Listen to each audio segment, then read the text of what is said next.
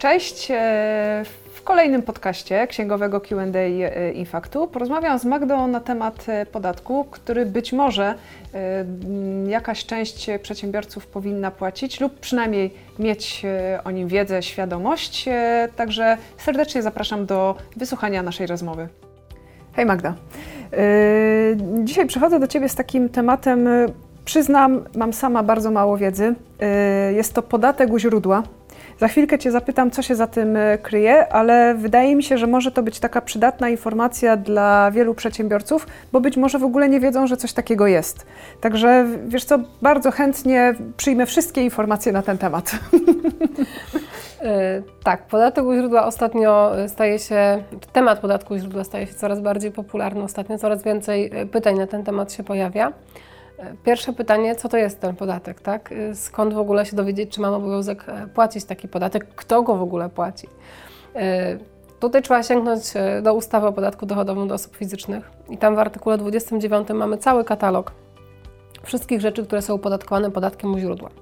I o co chodzi z tym podatkiem u źródła? No w przypadku, jak kupujemy coś wymienionego właśnie w tym przepisie od podmiotu, jakiegoś przedsiębiorcy czy też osoby fizycznej, e, który ma siedzibę za granicą, czyli nie jest to siedziba w Polsce, tylko poza granicami kraju, i wypłacamy mu za granicę wynagrodzenie, to wtedy być może pojawi się obowiązek pobrania od kwoty tego wynagrodzenia podatku u źródła i odprowadzenia tego podatku u źródła w Polsce.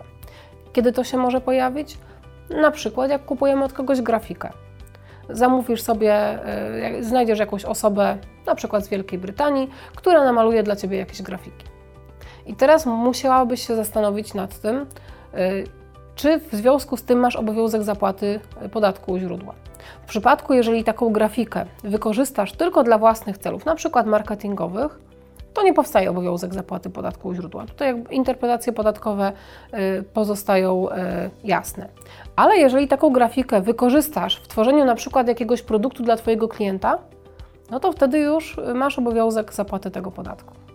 Ten podatek nam się pojawia w wielu innych sytuacjach, jeżeli to są na przykład utwory muzyczne też, czyli wszystkie rzeczy objęte prawem autorskim. To pojawia nam się tutaj y, taki podatek u źródła. Jeżeli, nie wiem, kupujemy od kogoś know-how, to wtedy też nam się może pojawić podatek u źródła. Y, usługi jakieś doradcze, prawnicze, poszukiwanie pracowników, ale też na przykład jeżeli kupujemy y, chociażby bilety lotnicze, to wtedy też może się pojawić podatek u źródła. Nie zawsze, ale w pewnych przypadkach może się pojawić. Także to jest bardzo szeroka y, skala taki, takiego, takich usług, które mogą być opodatkowane podatkiem u źródła. No i po prostu warto to sobie sprawdzić, każdą konkretną usługę, y, czy po prostu jej nie ma w tym artykule 29. Oczywiście tylko w przypadku, jeżeli nabywamy coś od podmiotu zagranicznego. Tak, jeżeli w Polsce to nie ma takiej no właśnie, czyli y, co do zasady, takie dwie, y, jakby dwa główne punkty mi przychodzą z tego, co y, mówisz. Mm, kupujemy na przykład daną usługę w firmie, która ma siedzibę za granicą, tak? Jest to niezależnie, czy to jest Unia Europejska, czy to jest poza Unią? Niezależne i też nie zawsze firma. Może to być nawet jakaś umowa z osobą po prostu, która nie prowadzi działalności gospodarczej, jakimś twórcą na przykład. Mhm, to to jest jedna rzecz, jaka mi przychodzi na myśl. Druga, y, za to, że ja mm, kupuję tą y, usługę, jestem być może jestem zobowiązana zapłacić podatek. Tak, jeżeli przekazujesz to wynagrodzenie dla tej osoby poza granicę kraju, to w takim wypadku być może trzeba pobrać ten podatek u źródła i odprowadzić go w polskim urzędzie, bo ta usługa jest tutaj w Polsce opodatkowana. Rozumiem. Mhm. Yy, ok, a powiedz proszę, yy, jaka jest stawka tego podatku? To jest też wskazane, to są dwie stawki podatku. Yy, to jest też wskazane właśnie w artykule 29 ustawy o podatku dochodowym od osób fizycznych, ale tu jest sprawa trochę bardziej skomplikowana, bo zasadniczo są tam dwie stawki, jest to stawka 10 bądź 20%, ale jeżeli zawsze należy sprawdzić też umowę o unikaniu podwójnego opodatkowania i z, tych, z konkretnym krajem. Więc jeżeli miałabyś tam, wracając do przykładu, osobę z Wielkiej Brytanii, to powinnaś sprawdzić umowę o unikaniu podwójnego opodatkowania z Wielką Brytanią y, i jak wygląda kwestia podatku u źródła w takim wypadku, czy nie ma przypadkiem obniżonej stawki tego podatku. Jeżeli jest, to pod jakimi warunkami jest. i możesz zastosować tą niższą stawkę, czyli pobrać podatek według niższej stawki, na przykład 5 y, czy 15%, bądź nie pobrać go wcale, czasem też tak jest, ale tylko w przypadku, jeżeli są spełnione warunki e, wskazane w tej umowie o unikaniu podwójnego opodatkowania. Najczęściej to będzie wymóg posiadania przez Ciebie certyfikatu rezydencji podatkowej. Magda, y, dobrze. Y, Podatek y, u źródła. Jedna rzecz, druga teraz wymieniasz. Certyfikat rezydencji. Co to jest ten certyfikat rezydencji? Certyfikat rezydencji podatkowej to jest takie poświadczenie przez urząd e, podatkowy danego państwa, że osoba tam zamieszkująca jest po prostu rezydentem podatkowym w tym państwie. On generalnie może mieć datę ważności, bądź jej e, niekoniecznie musi mieć, nie zawsze zawiera. Jeżeli nie ma wskazanej, że e, ważny jest do dnia tego i tego, wtedy przyjmuje się, że jest on ważny. Jeżeli osoba, e, która Ci przedstawia certyfikat rezydencji, jakby potwierdzi takim oświadczeniem, że dane zawarte w certyfikacie rezydencji są nadal aktualne. Jeżeli taki certyfikat rezydencji posiadasz, to wtedy pobierasz ten podatek u źródła według niższej stawki, bądź nie pobierasz go wcale.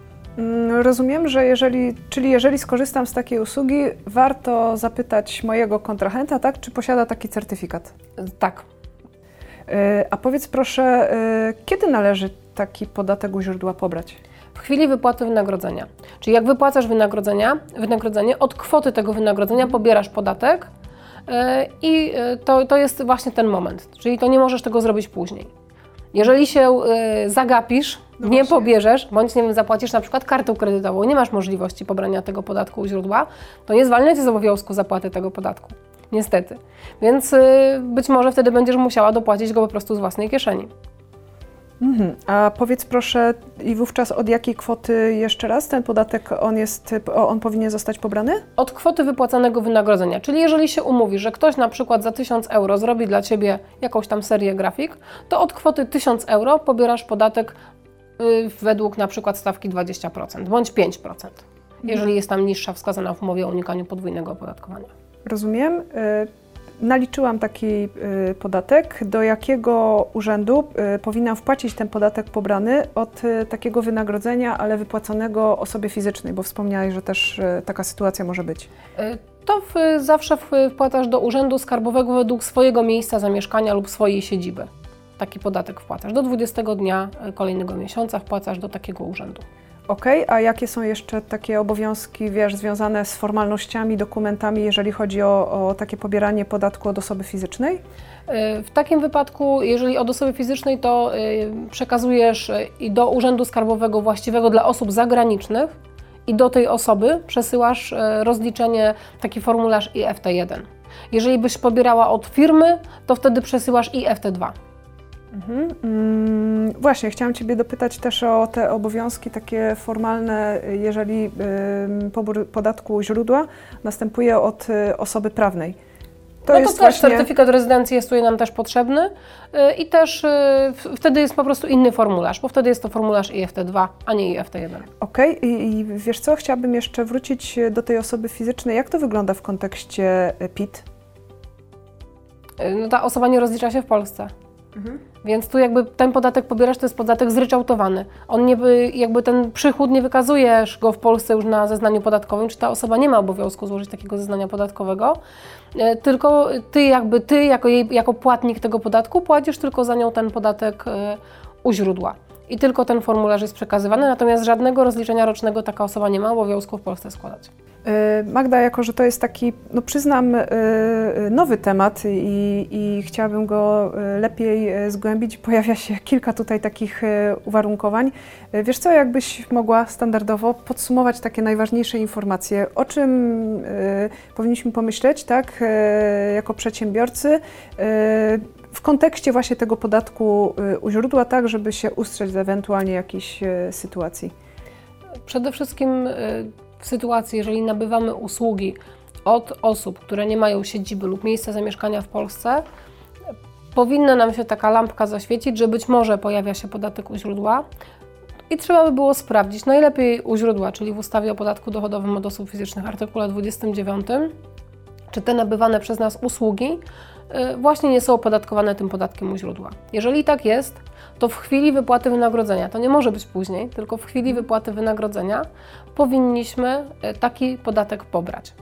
E, Co ważne, jeżeli nie możemy pobrać takiego podatku, bo na przykład płacimy e, kartą kredytową albo zapomnieliśmy o tym, nie pobraliśmy tego podatku, i tak mamy obowiązek zapłaty tego podatku, pomimo tego, że my tego podatku fizycznie nie pobraliśmy, czyli wtedy dokładamy z własnych pieniędzy. Żeby się przez tym ustrzec, w umowach, dosyć często już spotykanych z większymi szczególnie podmiotami zagranicznymi, zawierana jest taka klauzula, która nazywa się klauzulą gross up, czyli to jest tak zwane ubruttowienie.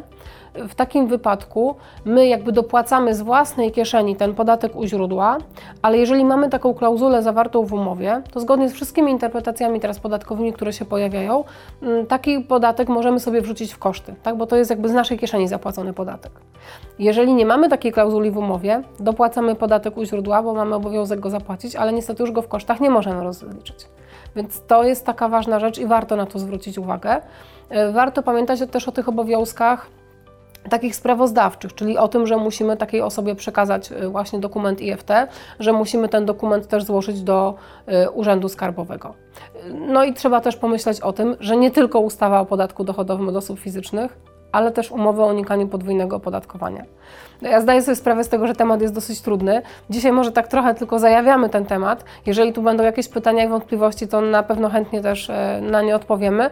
Ja myślę, że też warto chyba zachęcić do naszych, e, czytania naszego bloga, bo tam bardzo dużo informacji na temat podatku u źródła się pojawiło. Szczególnie, że to ostatnio jest bardzo popularny temat. Coraz więcej e, osób jednak ma obowiązek taki podatek u źródła odprowadzać. Bądź się o tym dowiaduje.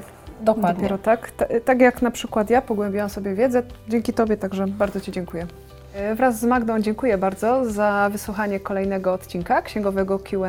E, Jeżeli mielibyście jakiekolwiek pytania związane z tematem podatku i źródła, bądź wszelkimi innymi tematami związanymi z prowadzeniem działalności gospodarczej, jak zwykle e, zachęcamy do pozostawiania komentarzy. Bardzo chętnie na wszystkie pytania odpowiemy. Tymczasem do zobaczenia w następny piątek.